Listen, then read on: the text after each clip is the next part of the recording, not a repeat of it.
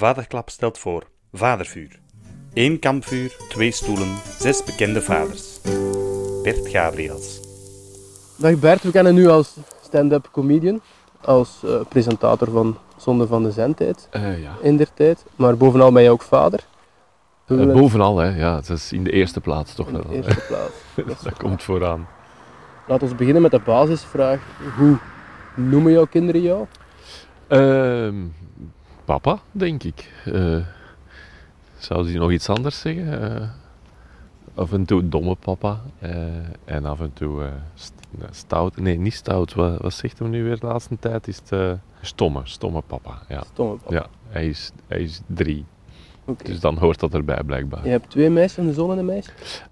De oudste is een dochter en de jongste is een zoontje. De komst van kinderen is ongetwijfeld een grote verandering. Hoe heb je die Mhm. eerste maanden beleefd? Oeh.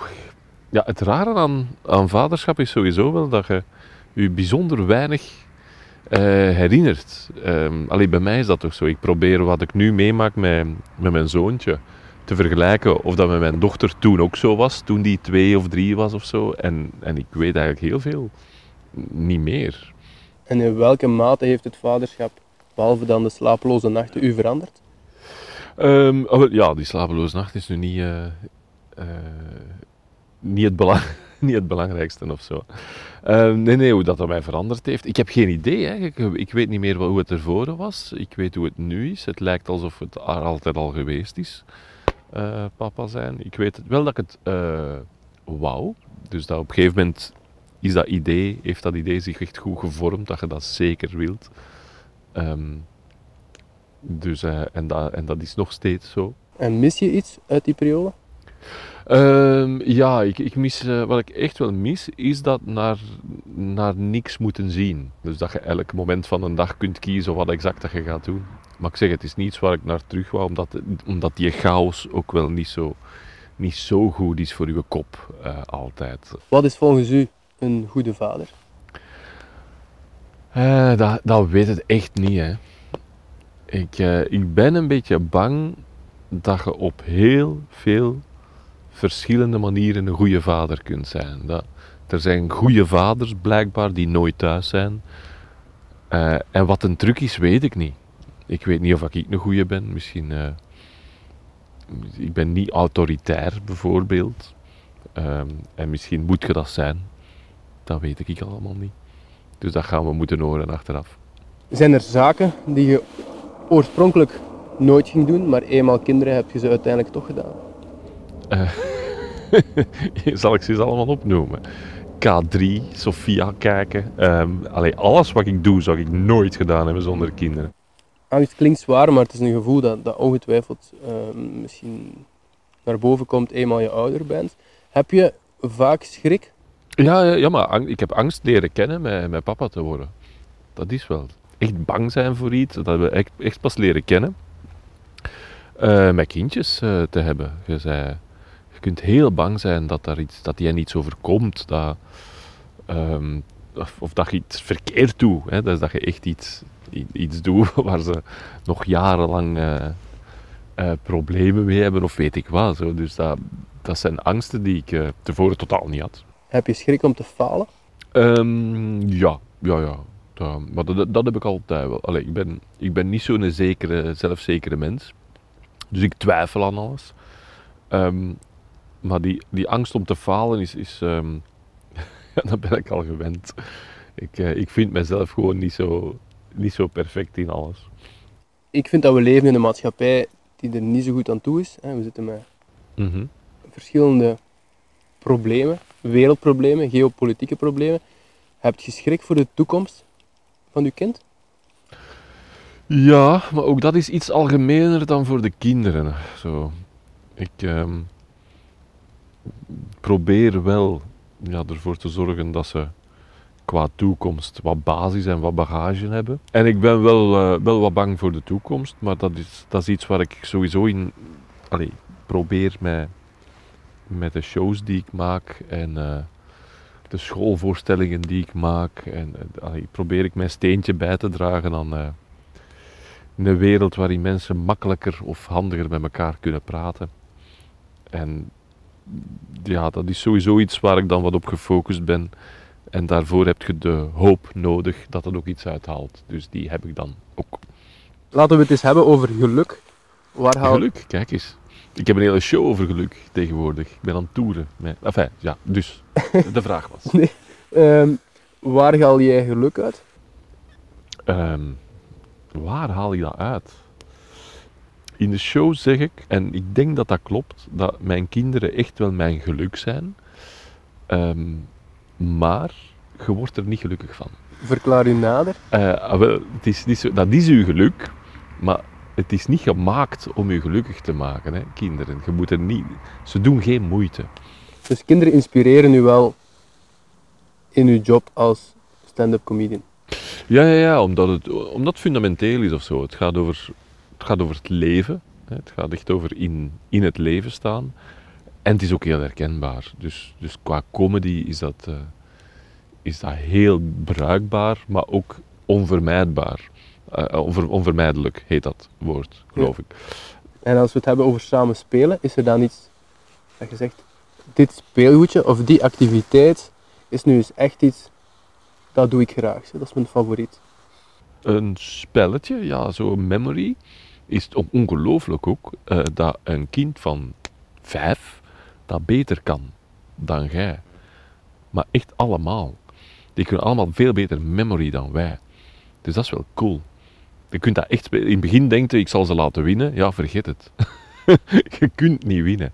Dus dat is wel, uh, dus dat, dat, is wel heel, heel tof. En ja, ik zeg het met die Elise, dus uh, zo vanaf vijf jaar, ja, die wordt er nu zes, kunnen echt gezelschapsspelletjes spelen en, dan, en, en echt spelen. Dus, ja. dus dat moeten niet meer doen alsof. We dromen allemaal wel eens. Heb je dromen voor je kinderen? Jezus. Um, dat moet niet te veel zijn, ze, maar. Uh, ik denk toch eerder iets in de richting van een betere wereld of, of, of een stabiele wereld. Of, wat moeten dromen voor je kinderen? Ik denk eigenlijk dat ze zichzelf zijn. Ze. Want als er eentje van de twee nu kiest om iets te doen wat ik zelf nooit zou, zou kiezen, um, zolang het niet zelf destructief is, um, denk ik dat het goed is. Dus. Dus ik, ik droom voor hen dat ze kunnen zijn wat zij dromen voor zichzelf, denk ik. Stel dat, je morgen, dat u morgen iets overkomt, wat wilt je hen dan zeker nog meegeven? Ja, ze zijn jong hè. Dat alles goed komt, zou ik nu toch wel zeggen. Gewoon niet bang zijn. Je kunt heel veel fixen. Je kunt ook heel veel fixen. Dus uh, daar moeten we dan maar in geloven.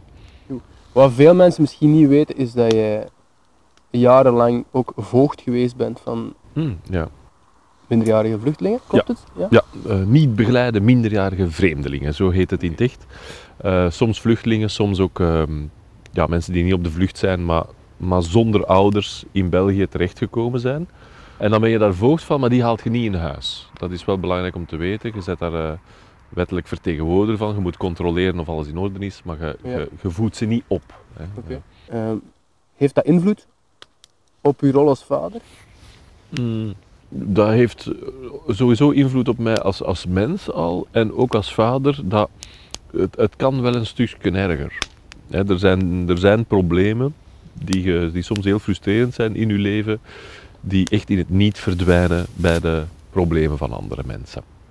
Dus, uh, uh, en als je ziet hoe sommige gasten of meisjes die uit een uh, bijzonder moeilijke situatie komen, er dan toch ook nog in slagen, soms om, om het vast te pakken en, en verder te gaan met hun leven, ja. dat geeft hoop. Maar ik heb ook al kinderen gehad, voogdijen, van ja, 12, 13, 14, 15-jarigen die wel kapot zijn. Dus je kunt ook wel een mens kraken.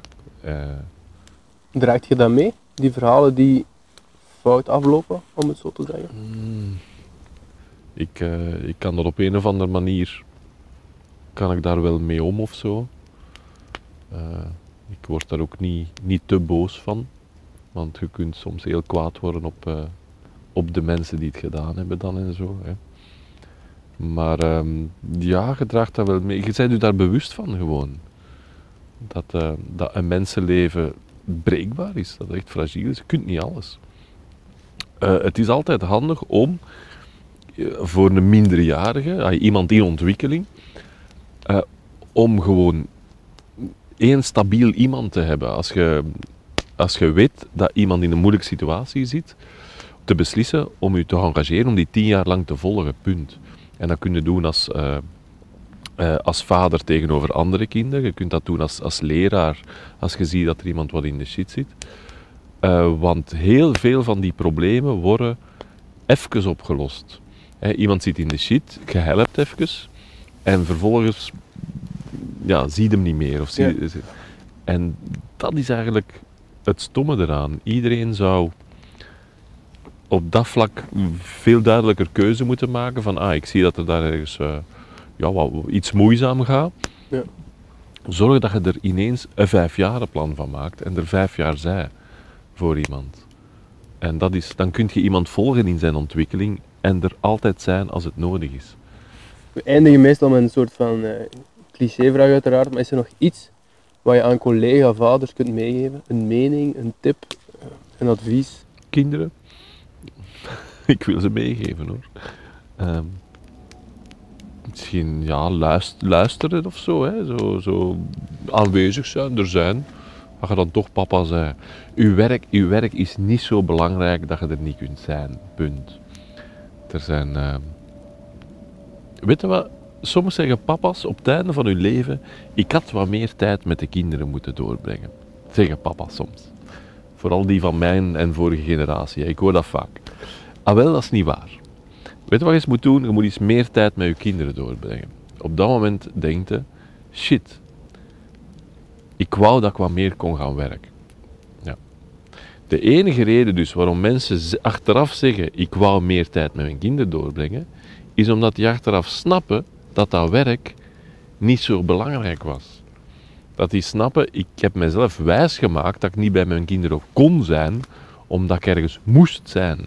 En dat je dan denkt, shit, ik had die een tijd aan mijn kinderen kunnen geven. Het is niet omdat die een tijd met je kinderen zo plezant is, hè. Het is omdat je dan weet dat je werk niet belangrijk is. Dat denk ik. Maar of dat nu een tip is, dat weet ik niet. Het is alles iets om te onthouden. In de volgende aflevering hoor je Shokri Benchika. Moest mijn dochter er niet geweest zijn, dan was ik er niet meer. Ja, ja. Ik ben ervan overtuigd. Ja, Dus heeft u ergens de zin van het leven Ja, laten in... ja, ja. Luister naar deze warme verhalen via de podcast Studio Vaderklap of bekijk ze op YouTube. Deze aflevering kwamen tot stand met de steun van Omer, Barbekoek, Fujifilm en Kamps. Voor meer surf naar www.vaderklap.be.